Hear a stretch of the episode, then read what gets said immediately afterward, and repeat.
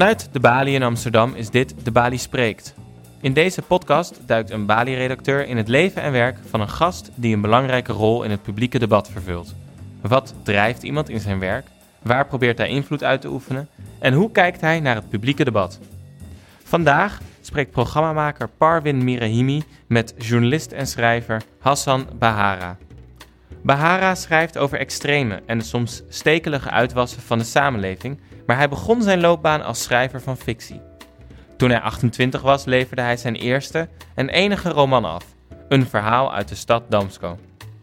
Bahara werkte ruim zes jaar voor opinietijdschrift De Groene Amsterdammer en is sinds 3,5 jaar in vaste dienst van de Volkskrant, waar hij zich grotendeels bezighoudt met extremisme. Dat begon met islamitisch extremisme en is sinds twee jaar verschoven naar rechtsextremisme. Afgelopen jaar publiceerde hij met collega Aniek Kranenberg en Dimitri Tokmetsis van de correspondent een onderzoek naar de radicaliserende invloed van YouTube. Voor dit onderzoek werden zij genomineerd voor de prestigieuze Data Journalism Award. Hoe beziet hij zijn rol in het publieke domein op dit moment? Hoe zichtbaar mag zijn eigen interesse, achtergrond en mening eigenlijk zijn in zijn stukken? En wat dreef hem in zijn werk steeds meer richting de uiterste? Parwin Mirahimi in gesprek met Hassan Bahara. Welkom Hassan Bahara. Fijn dat je er bent. En voordat we echt beginnen, eerst een uh, disclaimer dan maar. Wij en onze gezinnen zijn al een 15 jaar zeer innig bevriend. Zeker. Samen op de camping en zo en aan tafel. Ja. Maar dat gezegd hebbende, laten we elkaar vooral niet sparen tijdens dit gesprek. Misschien nee. juist niet. Ja. Nou, je gaf aan, drukke tijden voor jou. Uh, we spreken elkaar nu aan het uiterste staartje van uh, oktober. En uh, in welk duister dossier ben je nu weer gedoken? Of moet ik zeggen ondergedoken? Kan je daar iets over zeggen? gelukkig is het niet zo heel erg duister. Nee, ik ben bezig met een politieverhaal. Samen met mijn collega bij de Volkskrant Nadia Ezerwali. Uh, daar zijn we nu denk ik een weekje of twee mee bezig. Uh, het gaat over diversiteit. Goed, we zitten nog middenin. En, uh, diversiteit bij de politie? Bij de politie en hoe dat tot zoveel polarisatie heeft geleid. We hebben er denk ik drie jaar geleden voor het eerst over geschreven. Met een paar artikelen die redelijk in, insloegen als een bom binnen de politieorganisatie. Toen is de hele diversiteitsdiscussie daar op gang gekomen. En gaandeweg zagen we van, weet je, dat, dat het... Uh, uh, dat uh, enthousiasme waarmee die discussie werd geïnitieerd opeens is omgeslagen in iets heel zuurs en iets heel bitters binnen die politieorganisatie. En heel wat groepen opeens tegenover elkaar, over, tegenover elkaar zijn komen te staan. En toen dachten we van, weet je wat, het is toch tijd om eens even de stand van zaken te, te, te, te onderzoeken. Hoe zit het nou precies? En, nou, kan je daar al iets over zeggen? Hoe verklaar je dat dat dat zo omslaat? En wordt aanvankelijk enthousiast onthaald zo'n onderzoek of zo'n uh, verhaal van jullie? Ja. Nou, ik denk dat ja, deels, tenminste een van de oorzaken, denk ik, omdat, het, omdat die discussie gepaard ging met verwijten richting de politieorganisatie, de politiecultuur, mm -hmm. de oude witte dino's die er zouden zitten en ja. niemand uh, met een ander kleurtje of een andere achtergrond uh, uh, welkom zouden heten of een beetje... zouden toelaten. Ja, waarschijnlijk ook kijken als iemand met een biculturele achtergrond gepromoveerd wordt. is dat op basis van kwaliteit of is het omdat iemand een kleurtje heeft? Dus allemaal dat soort giftige onderhuids sentimenten zijn heel erg gaan broeien binnen die politieorganisatie. En van tijd tot tijd zie je dat, weet je, tot, tot ontploffing komen in ja, bepaalde akfietjes, personen die zich er heel expliciet over uitspreken. Dus uh, ja, dus wij proberen nu een beetje uit te zoeken van hoe is dit nou zo ver gekomen. Het vervolg eigenlijk op dat eerdere onderzoek. Precies, inderdaad. Maar wat het allemaal met jou persoonlijk doet en hoe je dat onderzoek doet, daar gaan we zo opkomen. Maar Noam Chomsky schreef in 1988 alweer in zijn boek Manufacturing Consent over de volgens hem mankementen van de schrijvende pers. Hij beschrijft in dat boek hoe volgens hem de journalistiek eigenlijk horig is aan de macht die ze beschrijven wil. En meer recent kwam uh, in 2009 uh, journalist Nick Davies met zijn boek Flat Earth News. Journalistiek zou volgens de Brit een machinatie zijn die zich overgeeft aan de waan van de dag. Dus journalist zou steeds minder tijd hebben voor degelijk journalistiek werk. Um, heb je het boek gelezen toevallig? Nick Davis wel, ja. Davis ja. wel. Infection Consent ken ik alleen van uh, naam en reputatie, maar ja. niet gelezen. Nee. Ja, ja, over dino's, dino's gesproken. Uh, je bent onderzoeksjournalist. Herken jij je in het geschetste beeld? Eh, heb jij genoeg tijd voor dergelijke onderzoeken, die je ook nu weer beschrijft? En je hebt er al heel wat achter je liggen. heb je genoeg tijd om gedegen onderzoek te doen uh, voor de stukken die je maakt voor de krant? Oh, ik vind de term uh, onderzoeksjournalist ik altijd een beetje lastig. Waarom? Waarom? Hij klinkt zo, uh, zo chic, chic, en zo... Hoe zou je het dan noemen? journalist met een hele onderzoekende blik. Dat, is, dat heb ik misschien wel van nature. Dat ik wil echt graag uitzoeken hoe iets, iets, iets uh, zit. Gewoon een nieuwsgierige mens. Ja, en ik denk dat elke journalist dat, uh, dat, dat uiteindelijk heeft. Dus dat onderscheid tussen journalist en onderzoeksjournalist vind ik altijd een beetje... Ja, nou, die vegen we bij deze van tafel. Ja. Nieuwsgierige journalist. Ja, maar je vraag was of ik daar tijd voor... Ja, of je uh, genoeg tijd hebt om uh, niet achter wanen... Hè, en maar echt diep te gaan en te kijken wat er onder die oppervlakte allemaal zit. En te graven en te vroeten en te factchecken en alles wat daarbij ja. zou horen. Ja.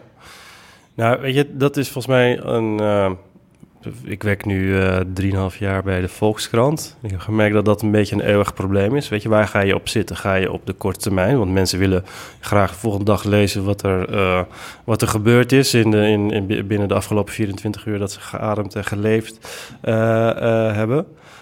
Tegelijkertijd hebben, heeft men ook graag behoefte om, om, om een beetje verder te komen dan die eerste, versla ja, de eerste verslaggeving. En dus dat is een soort spanning die, die eigenlijk nooit weggaat. Uh, dat merken we ook niet bij de krant. Weet je, waar ga je op zitten? Inderdaad, weet je, die, die, die snel korte haal. Of ga je de tijd nemen om iets grondig uit te zoeken? Uh, ten tweede heb je er ook nog is, ja, wordt dat wel, ja, krijg je daar de ruimte voor? Want ja, goed, je, je, je kunt drie maanden uh, een, uh, gaan onderzoeken en dan aan het eind van de rit zeggen van, maar toch niet boven water gehad of toch niet uiteindelijk iets kunnen halen die, die al die tijd uh, de moeite waard is geweest. Dus er zit ook een risico, best wel een groot risico aan vast. Het, het, journalistiek is duur. De, inkomsten die, die, die, die zijn nog steeds heel goed, maar je hoort altijd dat, dat die minder worden. Dus je wordt daar wat, ook wat onzekerder van. Want je denkt van shit, ik, als ik een on, on, onderzoek ga beginnen, dan, dan moet het ook echt... Meteen zeker, raak zijn. Zeker raak zijn en zo. En tegelijkertijd wil je ook... Uh, het risico nemen. De, uh, weet je, of, of, of, je gaat op je intuïtie af. Je, je komt iets tegen. Je denkt van, nou, hier zit, hier zit iets in dat, dat uh, de langere adem zeker verdient. En ja, dan schiet je of, of, of raak of mis. Ligt er maar net aan, weet je, hoe, wat je zelf allemaal boven, we, boven water weet te halen. ja, heeft het echt alleen met jezelf te maken? Of zijn er andere factoren die ook meespelen of het een succes dus ja, wordt? Nou, dus inderdaad, ja. Of krijg je er de ruimte voor? Ziet, ziet iemand ja. dat, weet je, bij, bij, bij de krant of tv of waar je ook werkt, weet je. Bronnen.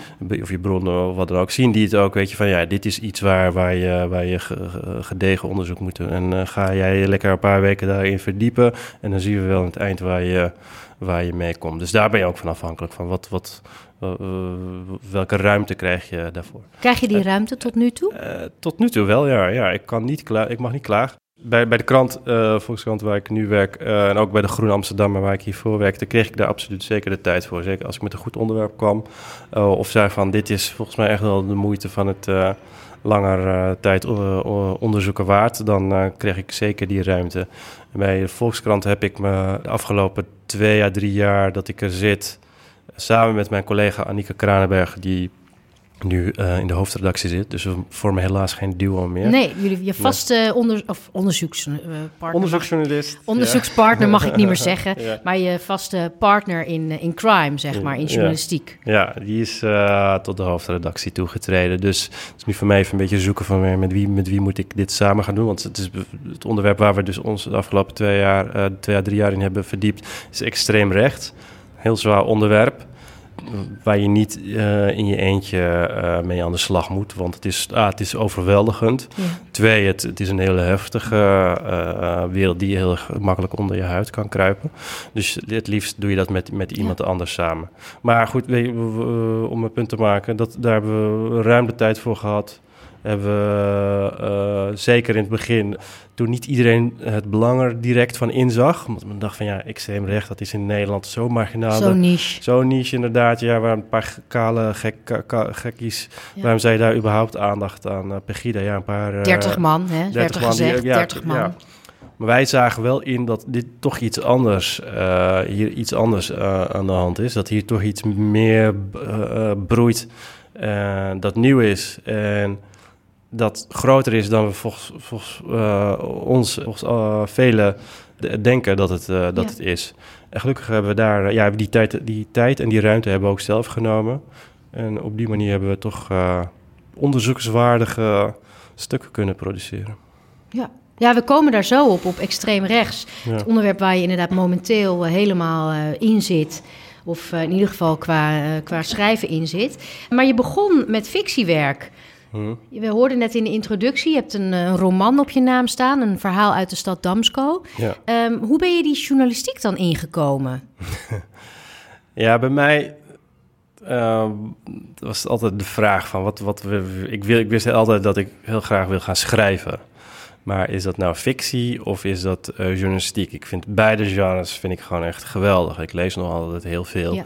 Eigenlijk zat ik vanaf het begin al veel meer op het spoor van non-fictie. En ook als je naar mijn uh, roman kijkt, daar wilde ik toch iets mee zeggen over de tijd van nu, of van destijds. 2006 is het alweer.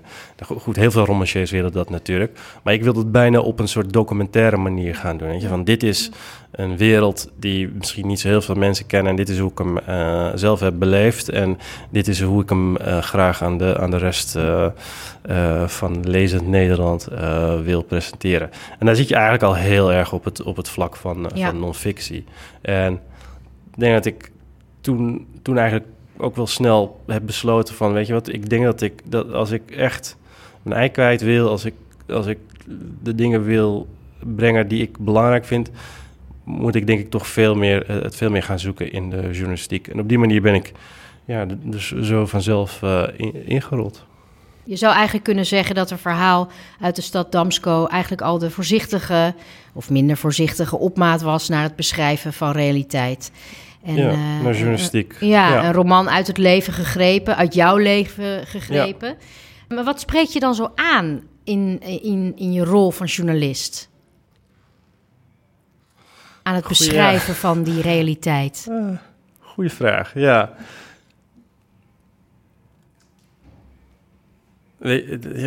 Dat cliché van de werkelijkheid is nog gekker dan fictie. Nog bijzonder fictie vaak. Dat, dat klopt wel. Ik bedoel, ik lees genoeg uh, longreads, boeken, non-fictie. Dus ik denk dit, dat, dat je niet met de beste literaire geest ooit kunnen bedenken. En um, daar zat ik ook een beetje mee te klooien. Ik bedoel, ik, ik probeer, ik heb heel veel uh, literatuur. Ik, ik, ik kon niet de fantastische uh, plotlijnen. Uh, ja, precies. Weet je dat. dat en daar, daar was ik gewoon echt niet goed in. Mijn blik was echt gewoon verkokerd, zou je kunnen bijna zeggen, op, op de werkelijkheid. En want die vond ik fascinerend. En die vond ik al zo bizar. Ja. Waarom zou ik nog iets erover... Die wilde je in woorden vangen, zo mooi mogelijk uh, in woorden uh, vangen. Precies, inderdaad, ja. En je hebt heel veel non-fictie. Kijk, daarom is dat genre ook zo, zo dicht ligt nu zo dicht tegen, mm -hmm. tegen literatuur aan. Ik bedoel, de term, je hebt niet voor niets de term literaire non-fictie omdat volgens mij heel veel uh, auteurs het idee hebben van... Dat je, als je die werkelijkheid gewoon al beschrijft op een zo mooi mogelijke manier... dan heb je, heb je werk dat kan concurreren... of soms zelfs in, in sommige gevallen zelfs veel beter is dan de beste literaire werken. Ja. Ja, live imitates art. Het, uh, gekker wordt het niet dan, uh, ja, dan uh, voor ons, voor ons op straat wel, ligt. Hoe zie je jouw rol in het publieke debat? Wil, je, wil je slechts overbrengen, zo mooi mogelijk overbrengen. Onderste steen boven, dat wel. Of wil je ook een klein beetje Hassan meebrengen in, ja, ja, het is misschien een beetje vloeken. Kijk, je moet dus, als journalist moet je een soort publieke functie hebben, inderdaad. Dat je, je wilt iets aan het publiek vertellen. Maar als ik heel eerlijk ben, eigenlijk volg ik vooral mijn eigen obsessies. Iets wat ik echt denk van, jezus, dit is dit bizar, raar, duister. Dit, dit wil ik, hier wil ik mezelf gewoon in onderdompelen. En dan aan het einde van de rit het, het zo mooi en zo uh, volledig en in al zijn facetten mogelijk opschrijven. Weet je? En dan hopelijk is er een publiek dat denkt van... nou, weet je, we volgen je in je obsessie... en je doet iets heel belangrijks... en je hebt iets ons laten zien... waar we van hiervoor nog niet van op de hoogte waren. Maar nu zijn we goed geïnformeerd. Dus dat is in het, in het beste geval. Maar uh, ik denk dat het eigenlijk bijna een soort, ja, voor mij eigenlijk wel een soort egoïstische bezigheid is. Weet je? Ik bedoel, ik, ik, ik, ik, ik kom iets op het spoor, of ik lees iets, ik zie iets, ik hoor iets en denk van, oh ja, dit, is, dit, is, dit vind ik gewoon heel tof om uh, helemaal uit te pluizen en, uh, en te onderzoeken. Je begon uh, bij de Volkskrant met een specialisatie in moslim-extremisme, jihadisme. Je bent langzaamaan in je obsessie opgeschoven naar alt-right, radicaal, extreemrechts. Je zou kunnen zeggen dat die interesse van jou die je beschrijft is verschoven.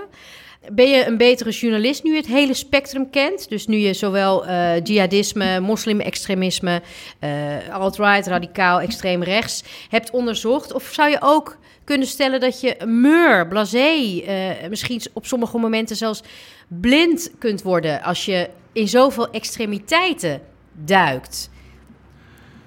Goeie vraag. Ja, dat is wel, dreigt wel het geval te zijn bij uh, islamitisch extremisme. En dat is sinds een paar maanden is dat dus niet meer mijn uh, portefeuille. Uh, mm -hmm. Ik spring nu af en toe wel in want degene die, mij gaat, die, die dat gaat overnemen, die is nog niet zo ingevoerd, goed ingevoerd als ik. Dus nog af en toe hand- en spandiensten. Ik heb de contacten en zo. Dus dat, dat moet nu een beetje zo in elkaar overgaan. Maar de bedoeling is wel dat ik dat volledig loslaat. En dat is omdat ik, ja, ik schrijf er denk ik nu jaar of zes, zeven denk ik over. En in het begin was, ik er, was echt een obsessie, was ik echt door gefascineerd. Ging ik alles wat die figuren te vertellen hadden, ging ik opzoeken. Ik probeerde met mensen in contact te komen, met experts, om maar te snappen van wat, wat is hier gaande. Ook omdat het eh, een, een, een, een ding was toen, toen het in 2012, 2000 opkwam, uh, heel veel mensen verraste. Omdat we dachten van ja, dat uh, islamitisch radicalisme, dat is met de Hofstadgroep in 2006, 2007 is dat uh, verleden tijd geworden. En opeens was Iedereen de, achter ja, slot en grendel. Iedereen achter slot en grendel. En de jongeren die zijn nu, islamitische jongeren zijn nu met hele andere dingen bezig. En opeens bleek dat er toch echt nog een grote voedingsbodem was voor dat soort extremisme. In een hele reeks artikelen in een aantal jaren heb ik dat gewoon zo goed mogelijk proberen uit te pluizen en uh, mijn obsessie daarin gevolgd. Tot dit jaar uh, begon inderdaad een beetje de, ja, de, de, de vermoeidheid, zou je het wel kunnen noemen, een beetje erin te sluipen. Op een gegeven moment heb je die verhalen allemaal gehoord. Je snapt waar het allemaal vandaan komt. Je snapt ook een beetje wat voor types het, types het zijn. En ik weet dat ik in een rechtbank zat met weer twee uh, terug, uh, met, de, met de een uh, teruggekeerde Syriëganger. Die vertelde over ja, waarom, wat hij daar zogenaamd gedaan had in, in Syrië. Hij had alleen maar mensen verzorgd in ziekenhuizen en zo.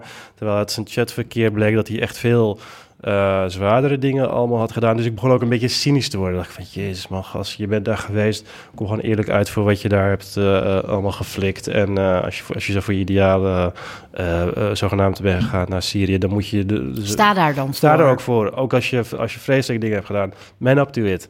Maar goed, als je dat soort ideeën, als je dat soort ja, gevoelens te jezelf- ja. precies, dan is het misschien tijd om te denken van, weet je wat, ik ehm, moet mijn blik verleggen. Maar tegelijkertijd was het al aan de gang, want ik was, eigenlijk was ik veel meer bezig met extreem rechts, omdat daar mijn, eh, mijn fascinatie naar uitging. En dat is, ja, het is extreem, eh, radicaal, net als islamitische radicalisering, maar vol- volstrekt onbekend terrein ook voor mij, weet je, en ook eh, niet de, de, de, de, de wereld waar ik ooit dacht van, nou ja, dat, daar, daar zit nog een soort, cynisch gezegd, potentie in eh, of zo. Eh, Waar zit hem die potentie in voor jou dan? En waarom, waar zit hem de fascinatie voor ex extreem rechts? Wat triggert wat het bij is? jou? Ik, goeie vraag, want dan komen we echt eh, bij wie ik ben. Als me, nee. Eh, ik, ik, ben denk dat ik gewoon een beetje nogal gefascineerd kan raken door mensen die doel eh, wel bewust, in, in sommige gevallen, soms, soms is dat niet, niet zo, ervoor kiezen om volstrekt anti-maatschappelijke ideeën te omarmen of een heel anti-maatschappelijk leven te gaan eh, eh, leiden. Dat is zo, zo out of the ordinary en Zeker voor jou. zeker voor Ja. mij echt een brave eh, g- Huisvader. huisvader, ontzettend eh, eh, eh, Begaan. en gematigd en eh, Uh, je wil echt ook graag voor iedereen goed doen. Precies, inderdaad. Dat is dan weer leuk dat ik je wat beter ken. Je wilt voor iedereen goed maken, Ja. voor iedereen zorgen en uh, Ja, zorgen dat, alles uh, stabiel is en rustig verloopt. Ja? En dan, en, eh, ja, en, dan, Ja. En, dan, en dan bedenken dat er ook nog een wereld is waarin, eh, ja, weet je, burn the motherfucker down. eh, Ja. het, het, Mensen het, die echt alleen maar vanuit die woede, rancune, haat, Ja, waanzin opereren. ja, ja, nee, exact, inderdaad, ja. En, en dat, dat, ja, ik weet niet, dat fascineert me eh, mateloos. Ook omdat het misschien een soort aan een angst appelleert, weet je, inderdaad. Omdat Zit ik, ook in mij. Ja, nee, ik bedoel, ik, ik probeer mijn leven zo, zo, zo rustig en niet in de problemen te komen, weet je. En altijd toch wel van, oh, het gevoel dat ik een soort, eh, Dunne eh, lijn. eh, ja, ja. precaire balans aan het behouden ben. Het staat echt nergens Wij op. allen. Ja, Precies, ja, inderdaad, in zekere ja. zin wij allen. Ja, en om dat allemaal uit het raam te gooien en, te en raken. ja, dat, dat, ik weet niet, dat, daar zit iets... Je iets leert er ook, denk ik, veel van. Of over de mens. Als je dit onderzoekt, dan leer je misschien ook eh, eh, hoe je je kunt behoeden voor dergelijke misstappen, waanzin. Eh, wat er gebeurt met iemand om te radicaliseren. Wat Ja. gebeurt er? Hoe wordt iemand Ja. richting die extreme gedreven? Hoe gaat Ja. het woekeren? Nou, het is niet eens zozeer dat ik misschien er iets voor mezelf uit probeer te leren hoor. Maar ik, wat ik wel heel fascinerend vind is, kijk, ik bedoel, woon in Amsterdam mijn hele leven. Ik, ik eh, eh, opgeklommen tot de middenklasse. Allemaal hele verstandige mensen om me heen. En we schrijven, over, vaak, eh, in de meeste gevallen ook altijd over hele verstandige andere, andere verstandige mensen. Of met, die met verstandige dingen bezig zijn. En dan dreig je toch wel, denk ik, het gevaar dat je uit het oog dreigt te verliezen dat dat er heel wat mensen zijn die hun leven niet op orde hebben. Die echt worstelen met, met de kant waar, waarop hun eigen leven of waarop de samenleving eh, die, die, eh, gaat. Eh, die wo- worstelen met weet je, hoe we onze, on- ons land politiek inrichten. en, en daar allerlei vergaande conclusies uittrekken. Die gewoon echt heel makkelijk op, op, dat, op, op die gebieden kunnen ontsporen. En ergens voel ik me dan, als je het over je pli- journalistieke plicht hebt, voel ik het een soort, als een soort plicht om daar niet van weg te kijken. Je, je beschrijft jezelf en ik, ja, ik jou ook als een genuanceerd, eh, uitgebalanceerd eh, mens. Eh, althans, dat probeer je te zijn. Beschrijf je ook net. En ehm, ik heb alles gelezen wat je hebt geschreven. Ja. En voor dit gesprek heb ik alles herlezen. En ik vind je ook extreem genuanceerd. Ehm, en ik gebruik deze woorden ogenschijnlijk met gemak, maar Ja. wel zorgvuldig. Ja. Want ehm, ik vraag me wel eens af, wie is Hassan eigenlijk? En wat vindt hij nou eigenlijk zelf van al die excessen en extremen die je beschrijft? Ehm, maar is die ongrijpbaarheid en die, die, die, die, die fijnzinnigheid, die nuance, is dat een professionele keuze? Of is dat persoonlijkheid? Ehm, eh, op de achtergrond, maar wel eh, diep in de krochten van, nou ja, in, op dit moment extreem rechts. Ehm, is dat nodig voor wat je aan het doen bent? Is dat noodzakelijk? Ehm, die nuance, die, die fijnzinnigheid, die, die neutraliteit misschien zelf. Mhm. Eh, iemand heeft, eh, of tenminste dat krijg ik wel, heb ik wel eens vaker gehoord, dat als je, al- net als ik, eh middels kind bent in een gezin, dan ben je ook vaak degene die allerlei partijen Tevreden moet tevreden houden. moet houden en eh, te vriend met elkaar moet houden. Dus jij bent degene die de, de meest wijze moet zijn in te polen. En ik weet niet of dat helemaal precies zo is, maar ik, ik vond altijd wel, oh ja, dat, dat verklaart een heleboel van mijn, eh, van mijn karakter. Ehm, misschien kun je het daar inderdaad in vinden. Maar dan wordt het een soort kip of, eh, kip of het ei verhaal. Ik, ik, ja, ik, ik vind het, la- ik vind het la- eh, lastig. Want, laat ik zo zeggen, ik, ik ben er heel erg doordrongen van dat ik niet te veel altijd moet uitgaan van mijn eigen perspectief. Of heel bewust moet zijn van de blinde vlekken die ik kan hebben. En heel erg bewust moet zijn dat ik niet ehm, een persoonlijk oordeel verwar met hoe het feitelijk, uh, hoe de kale feiten in, in elkaar zitten. Dus Daarvoor ben, je echt op je hoede tijdens het schrijven. heel erg op mijn hoede. En ik, ik, weet je, ik, ik hou, of tenminste, ik heb best wel waardering ook voor journalistieke brandjesstokers. Dus mensen die uh, even ergens een brandende lucifer gooien en kijken hoe, alle, hoe alles in de fik gaat. dat is een heel extreem geformuleerd. Mhm. Maar ik, hou, ik, ik kan daar wel best wel van genieten van mensen die daar, weet je, soort... Aan de zijlijn kan je ervan genieten. Maar heb je nooit zelf, de behoefte om dat brandje te, te, te te stoken?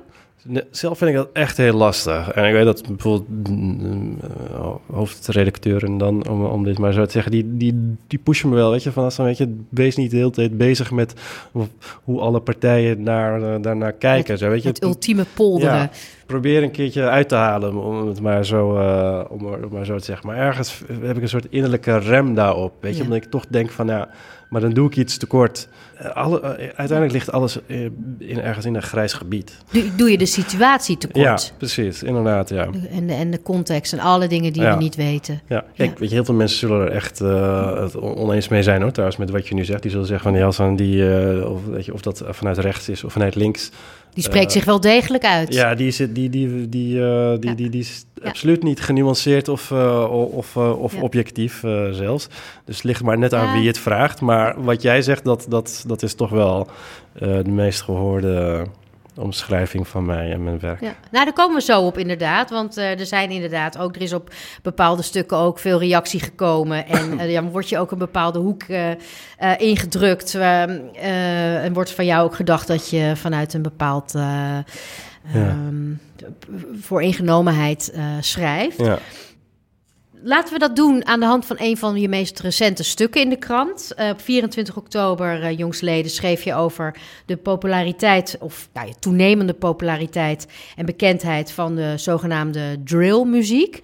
Kan je ons heel kort vertellen, wat is drillmuziek en wat was een klein beetje de strekking van dat stuk? Uh, drillmuziek is een rapgenre, overgewaaid vanuit Amerika naar Engeland. Mm vervolgens in, uh, in Nederland aangekomen. En die, dat genre kenmerkt zich door best wel heftige video's... die echt met honderden, honderdtallen op, uh, op uh, YouTube zijn te vinden. Mhm. Waarin rappers en hun entourages met maskers op... Met, heel erg met um, met allerlei uh, messen uh, zwaaien, van uh, keukenmessen tot aan machetes. en, en het heel constant hebben over hun shanks.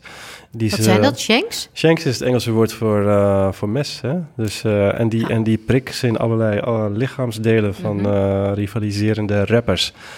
En in Engeland wordt het heel erg in verband gebracht met uh, een golf aan steekincidenten. Die vanaf vorig jaar, volgens mij uh, eh, 2018, dacht ik. In ieder geval was heel erg in het nieuws. Aangezwengeld door de drillmuziek, volgens sommigen. Nou, dat is dus de, de vraag. Weet je, is nog is een soort kip en het ei verhaal. Is, uh, heb je die zijn die steekincidenten of uh, omdat mensen naar die muziek luisteren? Of uh, is, is die muziek een uiting van een, van een nieuw soort straatcultuurgebruik waarin mensen met messen over straat lopen en elkaar neersteken? de aanleiding om daarover te schrijven was een paar dingen. Uh, vanaf afgelopen september was het, kwam het opeens in het nieuws. Je had in uh, Amsterdam Zuidoost uh, was er een rapper uit die scene doodgestoken. En daarna had je in Rotterdam allerlei incidenten waarin jongeren jeugdbendes elkaar te lijf gingen met messen. En toen klonk het al vanuit autoriteiten, politie, jeugdwerkers, die, die heel erg de link met, met die muziek legden.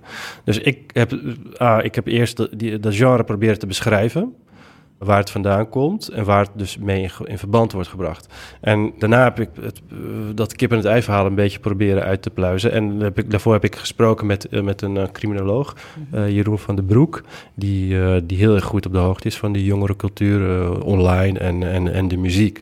En die kon heel goed vertellen van ja, drillmuziek is een onderdeel van een soort verhitte online cultuur waarin jongeren ja, elkaar steeds uitdagen en uh, een beetje tegen elkaar aan het uh, opbieden zijn wie de stoerste is. En dat komt dan vervolgens in die clips te, te, uh, terecht. Ook ruzies die ontstaan in, in bepaalde wijken, die komen dan weer in die clip terecht. En dat, die clips worden dan weer gezien door andere jongeren, waarin ze denken van, oh ja, wacht, ik, die, die, die of die rapper of die of die jongen uit de buurt, die is mij aan het bedreigen of die wil mot met mij.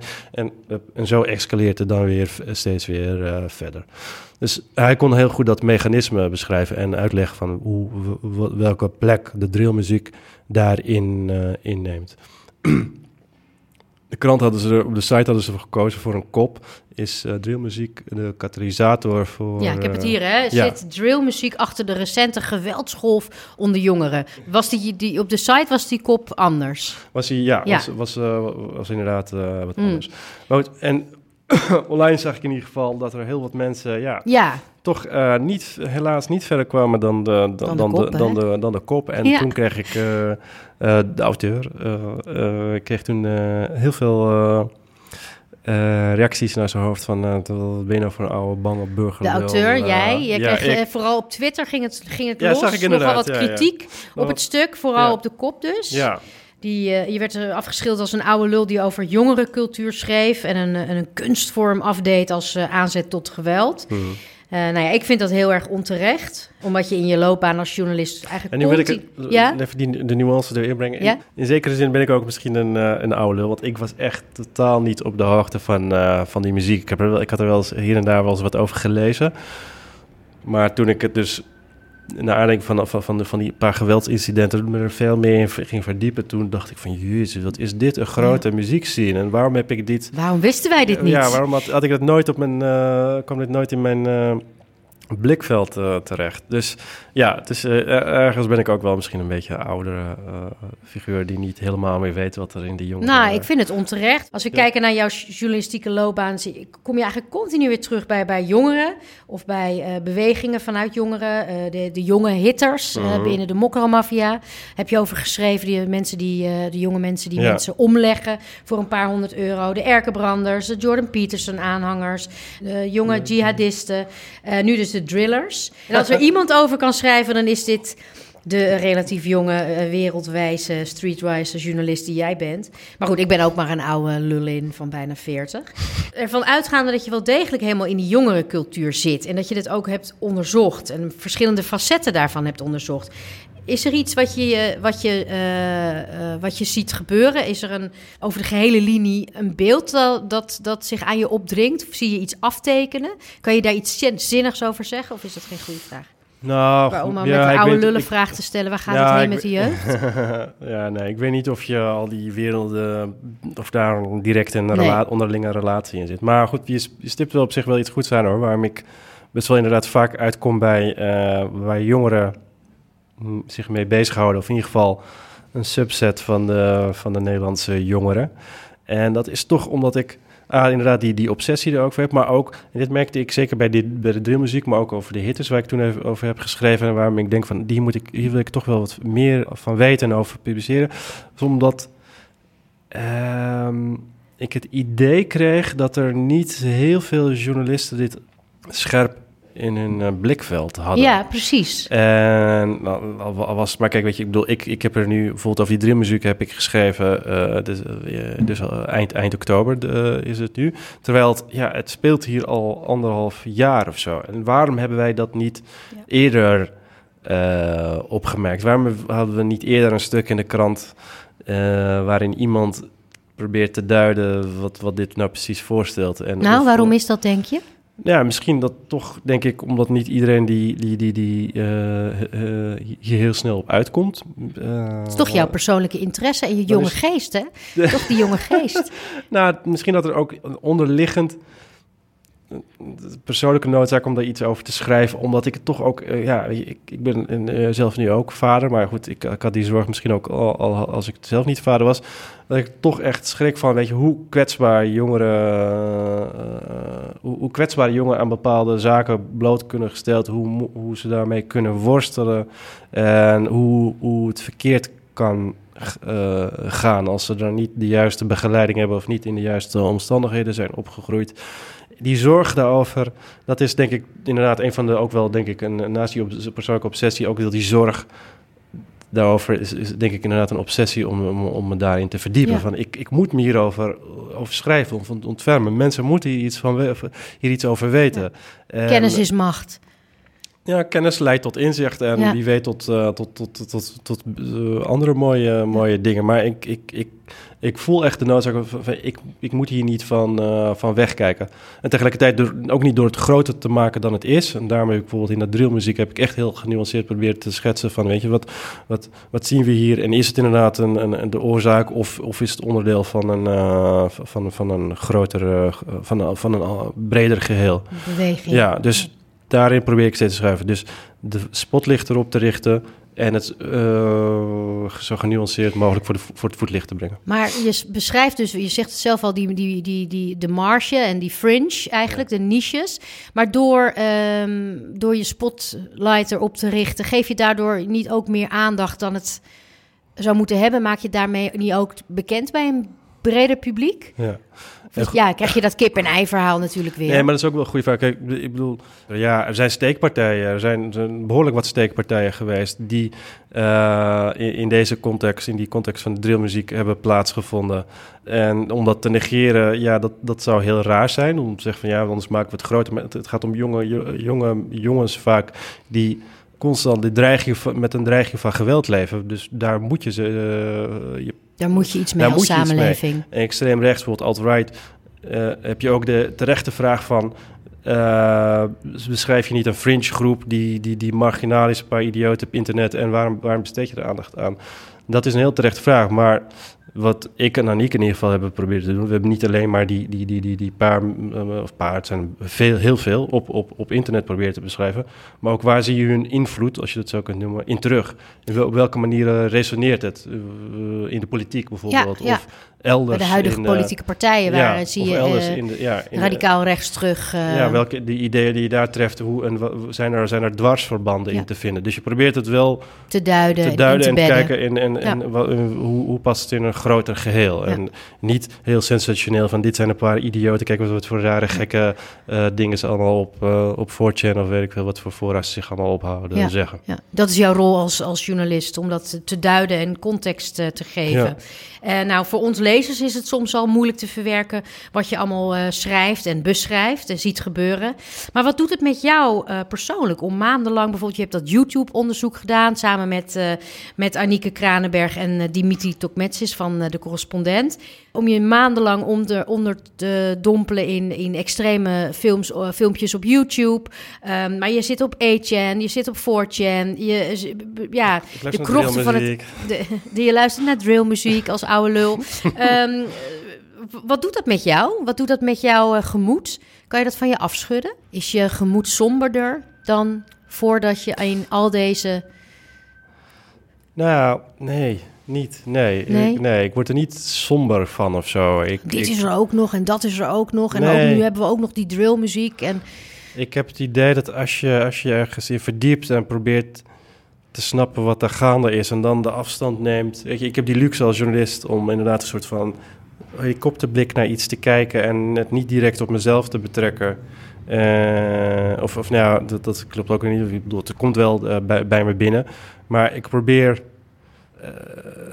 het niet te lang binnen te houden. En ja, goed, dat, daar heb ik allerlei andere manieren voor. Manieren door voor. Te ontspanning en, en, andere dingen lezen. En uh, ja. om, om uh, toch uh, niet te gaan denken dat het allemaal kommer en kwel is. In Weer die balans, hè? Weer die balans mm, ook ja, in het, echt, in het leven. En je zei het net al, Hassan, je hebt twee kinderen. Wat voor toekomst zie je voor hen? Gedrenkt in drillmuziek of valt het mee? Ik hoop een goede toekomst mooie toekomst hebben. Ja? ja. Hey, ik ben heel benieuwd, wij zijn heel benieuwd welke voorzichtige rimpelingen in het water uh, jij nu al ziet ontstaan waarschijnlijk. En waar je in de toekomst of verre toekomst over zult gaan schrijven. Ik vond het heel bijzonder om op deze manier met je te praten. Ja. We gaan je volgen. Ik wil je heel erg bedanken namens de Bali, Hassan Bahara. Dankjewel, Par.